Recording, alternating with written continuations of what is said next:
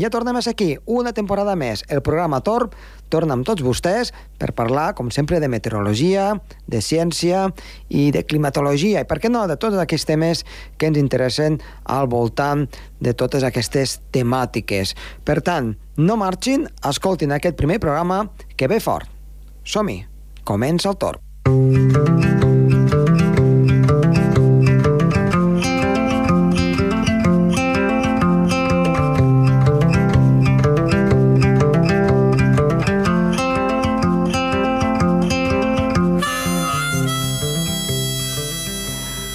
Un programa Tor que, com poden sentir, ha canviat la seva sintonia. Eh, ens hem adaptat una mica doncs, als nous temps i en aquest primer programa parlarem de com ha de ser, atenció, la tardor i l'hivern.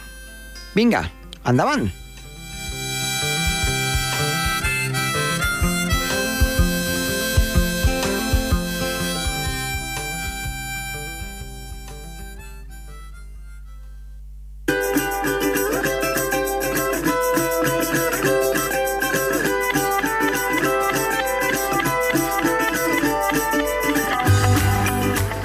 Doncs comencem el programa, mm, què millor que amb Gerard Tauler. Gerard, molt bona tarda. Hola, molt bona tarda, Josep Tomàs. Bé, com ha anat l'estiu? Bé, bé, fent Ja- calor, però ja, ja, ja, Ja- sembla que aquest setembre serà molt diferent. I tant que sí. Fresca. I tant que sí, aquí dalt ja ens ha nevat tu. Escolta'm, eh, què ens portes eh, aquesta setmana? Doncs el clima d'Andorra, ja que ja fa anys que estic fent aquí el, el, el clima doncs, i el temps, doncs mi- millor del clima d'Andorra. Doncs sí, el clima d'Andorra que és força variat, i tot i que no ho sembli, no? Sí, sí, sí. Doncs què ens pots, en què ens pots parlar del clima d'Andorra? Doncs jo he, he, he analitzat diferents fonts, la Wikipedia, una tesi doctoral que va fer un tal Pere Esteban de, de la Universitat de Barcelona, que em sembla que està al FEMMA, no? Uh -huh. No sé Si ho més no estava, sí. Sí, no? Doncs les influències són mediterrànies i, i atlàntiques. La, la zona més amb clima ma- atlàntic és a prop de la pas de la casa, que ja toca la vessant nord, eh, toca la- l'Arieja i allà les nevades són freqüents. Mentre que la part més meridional, la part de Sant Julià de Lòria i Andorra la Vella, té influències més mediterrànies. Plou més amb vent del sud, mentre que la part nord neva més amb, amb vent del nord. Uh -huh. A més, les temperatures doncs, oscil·len força, no? Doncs, mentre que, que la part sud, Sant Julià de Lòria, la mitjana és de 11, a la part nord doncs, deu ser al voltant de 2 graus o 3. Fins i tot eh, als cims jo crec que és inferior a 0. Hi ha, És- hi ha muntanyes gairebé de 3.000 metres a Andorra. Uh -huh. És molt probable perquè la, la, ho veiem tots els mesos de l'any, eh? Poc o molt, tots els mesos de l'any. Als cims, una nevadeta petita i cau. Fins al juliol i agost, eh? Sí, sí. Um, què més ens pot explicar del clima? Sí, doncs això, la posar aquí a, a la web que sembla que a Canillo em sembla que la precipitació mitjana és de 1.200 litres, a Sant Julià de Lòria al voltant de 800, a Andorra la Vella la, la precipitació mitjana és de 812 amb 3, la temperatura mitjana a Andorra la Vella és de 9 amb 8, a Canillo és de 5, Després hi ha diferències eh, en Golesters, que està més protegit de, de, del vent del nord, la temperatura és, és més baix, més alta que en altres llocs a la mateixa alçada, em sembla que té una mitjana de 8 o 9, Uh -huh. i deu haver-hi una mica d'inversió tèrmica. No? Sí, es, es, el sol dona molt, eh? A, a la zona d'Angolester, la inversió tèrmica, respecte, per exemple, a inversió Escaldes. tèrmica, su- suposo, de, respecte de Canillos. Uh -huh. Sí, sí, sí. La, la, la, les tempestes són habituals a l'estiu i poden ser fortes, no? I poden produir inundacions, no? I, i destaca el, el temporal de, del novembre de, de l'any 82 que, que va donar doncs, ai, ai, aiguats forts, no? Doncs, inundacions no? amb un vent del sud i, i les nevades de l'any 2013-2014 que he vist aquí amb amb la tesi de, de, de, de, d'en Pere Esteban que van anar, nevar força eh? aquí va haver situacions força situacions del nord Força complicades, i tant que sí. Doncs... Eh... Eh, Ell, ell ha fet una anàlisi de, de components principals de les situacions sinòptiques eh, eh, de, que, que provoquen les nevades en diferents llocs sense l'anàlisi de clúster. Doncs, eh, Gerard, eh, moltíssimes gràcies. Eh, T'esperem la setmana vinent perquè ens portis, com sempre, doncs, eh, alguna curiositat o, o novetat Perfecte. meteorològica i també del, del clima. Moltes gràcies. Adéu-siau. Vinga, adéu Josep Tomàs. Adéu. Un altre.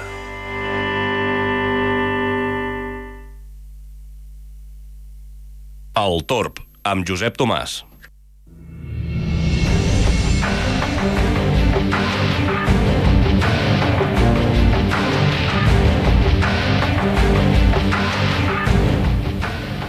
La sintonia de l'entrevista d'aquest any, que les hem canviat totes i per inaugurar, eh, com no podia ser d'altra manera, doncs aquest primer programa del torn de la temporada tenim el nostre company, amic i també meteoròleg d'aquí de la casa, en Lluís Miquel Pérez. Lluïsmi, bona tarda. Què dius? Bona tarda, Josep. Doncs bé, què millor que començar la temporada doncs, com fem des de fa tants anys que xerrem una mica del que ha passat Sí. al llarg de l'estiu de què pot passar la tardor i va, una pinzellada de l'hivern que ens espera per l'hivern. Es nota que de l'equip el que és calp sóc jo, eh? que te n'aprofites de la bola de vidre a veure què, què, què ens diu de cara als propers mesos. Exacte, anem a fer una mica de pitonissos, eh? Així és. De fet, mira, com sempre fem, com molt bé has comentat, com diu el gran Javier Martín Vide, la millor forma de fer una previsió del temps i d'encertar-la és fer una anàlisi post-mortem.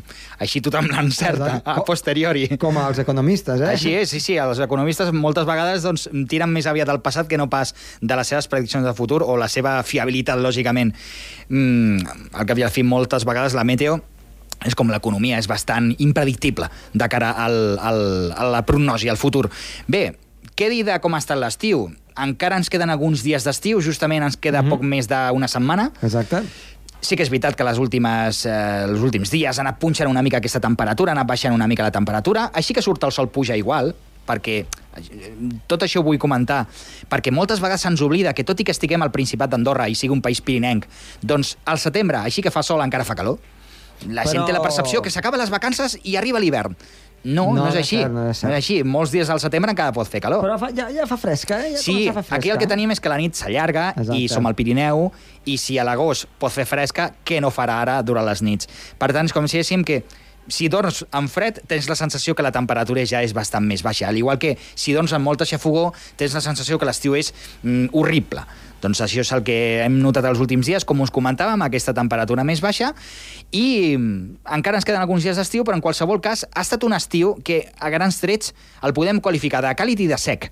Han punxat bastant les tempestes enguany. N'hem tingut i algunes d'aparatoses. Mm. Mhm, I tant. Mm, N'hem tingut algunes... A l'agost, algunes. A l'agost, algunes recordo especialment una que ens va caure justament a primeres hores del matí Sí. a principis d'agost, amb una calamarsada de calample, semblava una nevada de principis d'agost, també com no hi va haver a principis d'agost nevades a les zones altes del país. Les últimes jornades també també ens ha vingut aquesta glopadeta freda que ens ha fet tenir algunes eh, sorpreses blanques a les zones altes, però vaja, a grans trets ha estat un estiu bastant sec.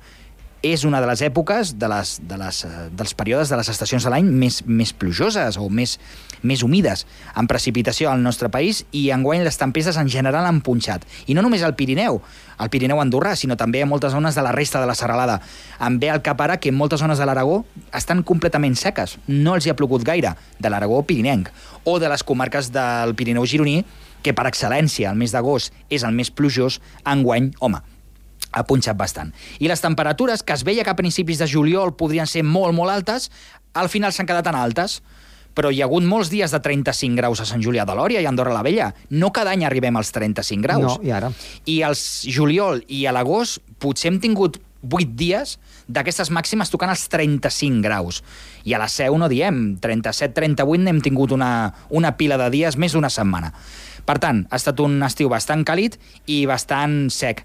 Per exemple, enguany, les festes d'Andorra la Vella s'han tornat a s'ha tornat a vigilar el, el fet dels, eh, de l'espectacle piromusical. Els focs artificials s'han tornat a suspendre en un primer moment uh -huh. a les festes d'Andorra la Vella pel risc d'incendi, cosa que no passa molts anys. L'any passat sí que va passar també, curiosament, però vaja... I curiosament va, plou, va ploure el dia que... Així és, així és. En el moment de fer, que, que tocava fer els focs, va, Havia- havia plogut havia força, plogut sí, sí. i és el que passa, que potser tenim aquí al nostre país, per tenir un risc d'incendi elevat, potser amb una setmana sense ploure en tenim prou. Mm, així que plou, plou tant que tot queda completament remullat. Però és curiós perquè és allò de... M'està recordant a aquells episodis de sequera importants que hi va haver al nord-est de la península, sobretot a Catalunya, els, do, els 2004-2005, que es van fer pregàries i tot, els consellers de la Generalitat de Catalunya que pujaven a Montserrat i va ser pujar i començar a ploure i una primavera que va ser extremadament plujosa en aquell 2006-2007 mm. doncs aquí igual, potser hem de fer l'espectacle pirotècnic o hem de fer els focs artificials a Andorra la Vella perquè se'ns posi a ploure, és curiós Eh, eh, curiositat, eh? perquè no crec que tingui cap res no a hi ha veure. res a veure algun dia parlarem de quina és la vinculació entre coets i la meteo, allò dels uh, coets anticalamars i de més, però en quant a un, que hi hagi previstes unes festes majors, aquí és on tothom diu sempre que hi ha la festa major plou. Home, la festa major de la capital del país és a l'estiu, i a l'estiu aquí a casa nostra ens plou molts dies. Ens plou moltes tardes, millor dit. Exacte, i és una època en què, com tu bé dius, doncs, les tempestes també sovintegen. Mm, si les festes majors duressin un sol dia, no, però Mm, així si és. s- duren una setmana, una setmana sense ploure aquí al nostre Pirineu, Mm. és complicat. Sí, sí, aquí és... Són, són com unes... Són com unes constants, no?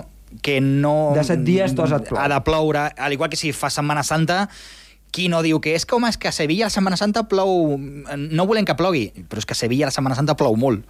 O, o que nevi encara al nostre país, al, al mes d'abril pot nevar molt, quan la gent potser ja té la percepció d'anar a la Costa Daurada de cap. Exacte. No, la Costa Daurada al mes d'agost, al mes d'agost sí que fa calor, però al mes d'abril encara està l'aigua molt freda i encara el temps és bastant regirat en aquella zona.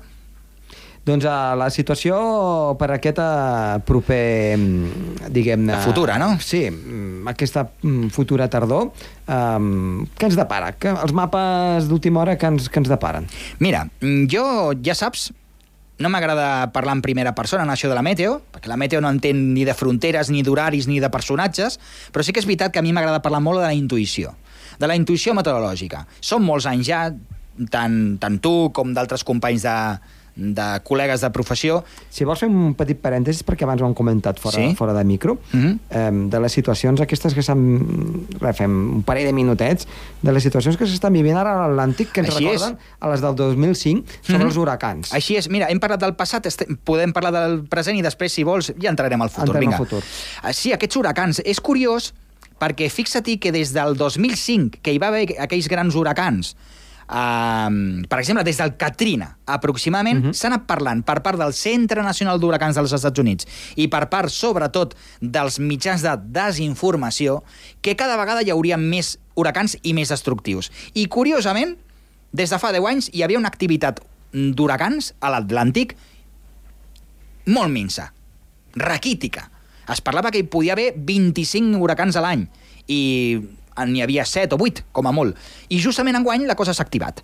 Tant és així doncs que s'han activat 3 o 4 huracans alhora. La setmana passada teníem el gran, o la gran... Eh, Irma. Irma. Teníem la Càtia, també al voltant de, la, de, de, de, de Mèxic. I estava el José, que el José que de fet que ha anat avançant i ja està també cap a la zona del Carib. I més huracans que s'estan formant al Cap Verd. Per tant, la temporada d'huracans s'ha activat i molt i està mm, matxacant tota la mateixa zona. Es preveu que les properes setmanes hi hagi encara molta activitat huracanística, li podríem dir així, o ciclònica, en aquesta zona del mar del Carib, i a veure si això ens acaba esquitxant més endavant. Jo tinc la sensació que algun d'aquests huracans tindrà tanta potència com eh, l'Irma mateix, que es ficarà la corrent mm, de zonal de l'At- de l'Atlàntic Nord i ens arribarà en forma d'una gran borrasca potser d'aquí a un parell de setmanes. Mm -hmm. Algun, recordo que a l'època ne van arribar a les Açores, a les Canàries, Les Canàries, sí. i fins i tot eh, va arribar a la seva estructura eh, cap a la zona de, de Galícia. Sí, sí, sí. De fet, recordo, el Delta, el, el cicló Delta, va afectar molt, molt negativament fins i tot les illes de l'oest de les Canàries. Aquell Delta el tinc com si, com si fos ara, és una perturbació que després es va ficar en la corrent de borrasques normal, el que dius tu va afectar de ple Galícia, i es va ondular tant que va acabar a la Mediterrània i a la Mediterrània va formar una gran gota freda, o no una gran gota freda, una, no? un gran, sí, un, una gran depressió. Sí, sí. I va portar una llevantada molt important a les costes mediterrànies. O sigui, que l'activitat d'aquella... O sigui, aquell, aquella pertorbació, a la seva gènesi, va viatjar com 20.000 quilòmetres i no va perdre la seva força. Quan va arribar al Mediterrani, lògicament, no és les característiques que hi havia al Carib, però, o les que hi havia a les Canàries, però sí que és veritat que va fer mal perquè, perquè tenia molta energia. Doncs els que hi ha enguany, em fa la sensació que l'Irma i el José en seran uns, uns d'aquests, tindran potència com per arribar a Europa que ningú pensi que arribaran a Andorra les ventades que hi va haver, no sé, fa dues setmanes a, o fa una setmana a Barbuda, o a Puerto Rico, o a Miami fa pocs dies. Però sí que és veritat que poden arribar amb activitat en forma de pertorbacions.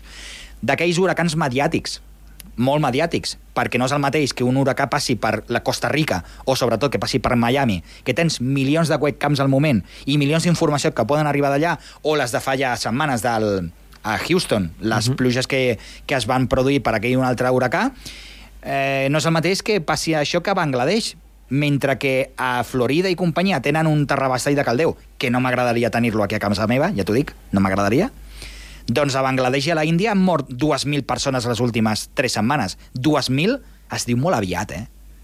I qui en parla dels huracans i tifons que estan tenint al sud-est asiàtic? Ningú. Ningú. Malauradament, de vegades hem de posar eh, mm, passo vergonya o tinc vergonya de pertànyer també a un col·lectiu que és el de la informació meteorològica, que moltes vegades va lligat a un servei informatiu general d'un mitjà de comunicació. I, per desgràcia, l'actualitat és, la, és la que és i els interessos són els que són. I ens oblidem també que la meteorologia no entén això, no entén de categories socials ni de països i la seva riquesa. Entén de desastres naturals on sigui. I se'ns està oblidant també que hi ha d'altres zones del món que ho estan passant molt malament.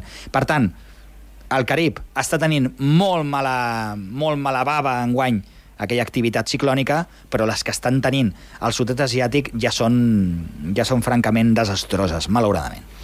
eh, una situació doncs, una mica remoguda, aquesta, fina, aquest final d'estiu, principi de tardor, Sí. i aquí al Pirineu, aquí a casa nostra, doncs una mica, anem a mirar els mapes a més Anem a termini, a veure doncs, què ens espera doncs, aquesta tardor. Com, el, com, Avui, com ha de ser? Avui no vaig prou afaitat com perquè se'n vegi del tot a la lluentor de la bola de vidre, però, a veure, aquí hi ha dues coses, el que us comentava fa un moment. Està el que diuen els centres oficials i el que ens diu una mica la intuïció. Els centres oficials deien que l'estiu seria tirant a fresquet i bastant plujós. Mm. I rai, No. rai. No. S'ha demostrat que els models estacionals poden servir per passar l'estona, són cromos, però no, no els hi podem agafar al peu de la lletra. Lògicament, això, clar, imagina, una, un, uns, uns departaments de ramaderia, d'agricultura, que han de tenir una previsió d'aigua. Imagina al nostre país un departament doncs, de turisme, uns departaments d'economia, que han de saber com serà la temporada de neu. És molt difícil avançar-la. És francament impossible. Així de clar. Però tirem del passat. L'estiu, els centres oficials ens deien que seria diferent de com ha estat al final. Aquests centres oficials ens estan dient que el mes de setembre i octubre seran molt sexy i càlids. Molt secs i molt càlids. La meva intuïció m'està dient que serà tot el contrari. Potser no hi haurà massa precipitació, però que moltes d'elles ja seran de neu. Tinc la sensació que el mes d'octubre serà un mes francament plujós a l'àmbit mediterrani. I si és francament plujós vol dir que serà francament catastròfic en inundacions. El mar està molt calent. I els trets que està seguint una mica la dinàmica atmosfèrica, per exemple, del que parlem fa un moment, d'aquests ciclons, hi ha com unes correlacions. Els anys que hi ha molts ciclons a l'Atlàntic són anys que hi ha moltes ondulacions mediterrànies. Per tant, moltes llevantades. Cas del 2003, cas del 2010. Dos anys que van ser molt plujosos. Doncs potser enguany ho sigui. Molt plujós no vol dir que hi hagi temporals seguits de pluja d'una setmana sense parar. No. Potser hi haurà inundacions de 100 litres per metre quadrat al Pirineu, o hi haurà algun temporal del sud estil al 82 o estil al 86, no ho sabem. Però que hi ha números que al mes d'octubre i potser també novembre siguin ben plujosos, sí. I amb temperatures tirant a fresquetes. Per tant, la sensació que tinc, Josep, és que la, a final de tardor hi haurà molta neu al nostre país.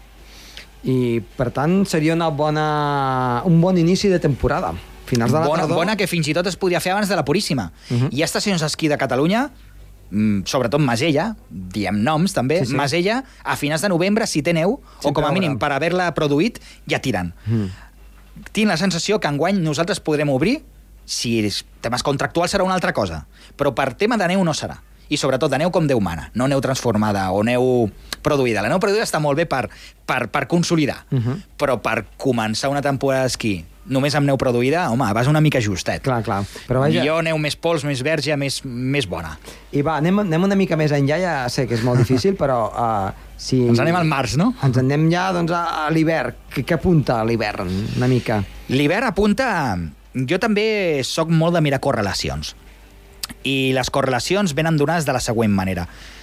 Enguany també es parlava que l'Àrtic es quedaria sense gel uh -huh. i ha estat un dels anys en els quals s'ha desfet menys gel. Això en quant a l'Àrtic, però és que en quant a Groenlàndia ha estat una temporada De més de les dels anys 70. De molta neu. Molta neu. Molta neu i molt de gel. Per tant, clar, no s'ha desfet gel, no s'ha desfet banquisa i no s'ha desfet gran part del gel mm, marítim que té al voltant d'aquesta zona groenlandesa. Ja s'està recuperant el gruix de gel. Què vol dir? Que allò s'està refredant molt de pressa. Si tu mires mapes al temps a una setmana vista, dues setmanes vista, hi ha un matalàs fred a l'alta a l'alta Europa, a altes latituds, que mm, quita l'hipo, com diuen a les Espanyes. Què vol dir això? Que si tot allò està molt fred, quan tinguem corrents de vent del, del nord, arribaran més fredes del que és habitual. Per tant, la sensació que s'està mostrant, tenint en compte el gel que hi ha, les característiques atmosfèriques que hi ha, ja s'estan formant anticiclons de bloqueig, que es diu, per tant, perquè fa fred, la sensació és que l'hivern serà molt fred.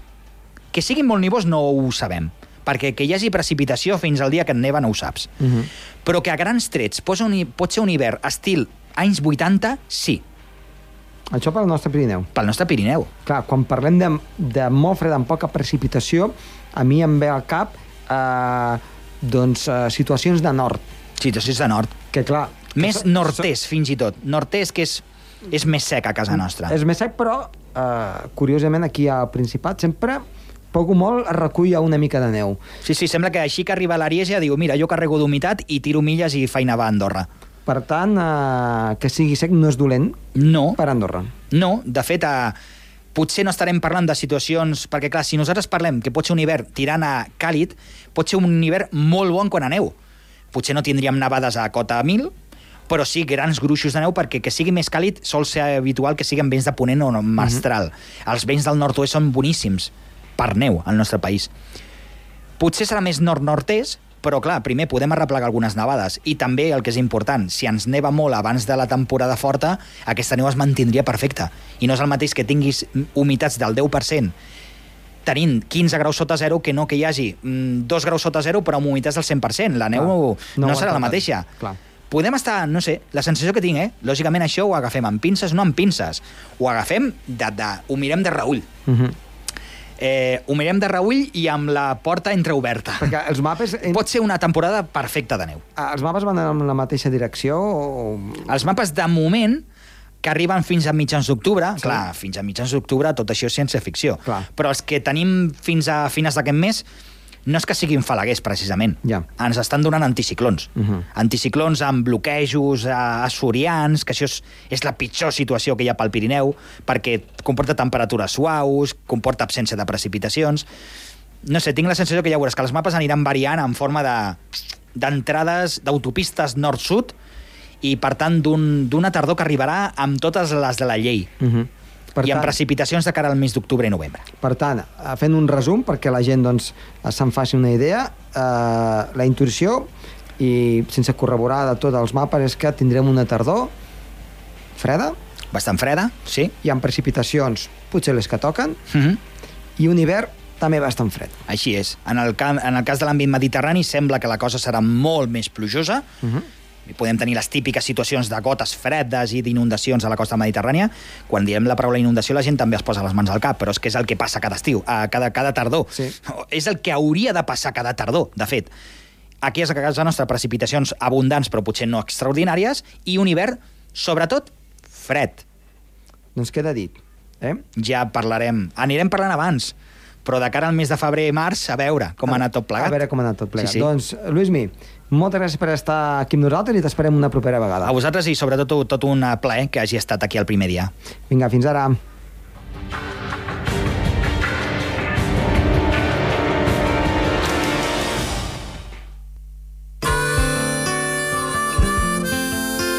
El Torb, amb Josep Tomàs.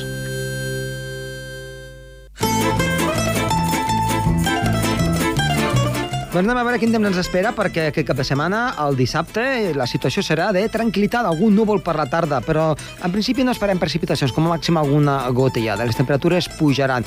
I diumenge encara més sol, un ambient doncs, eh, càlid, si més no al migdia, tot i que les matinades encara una mica fredes.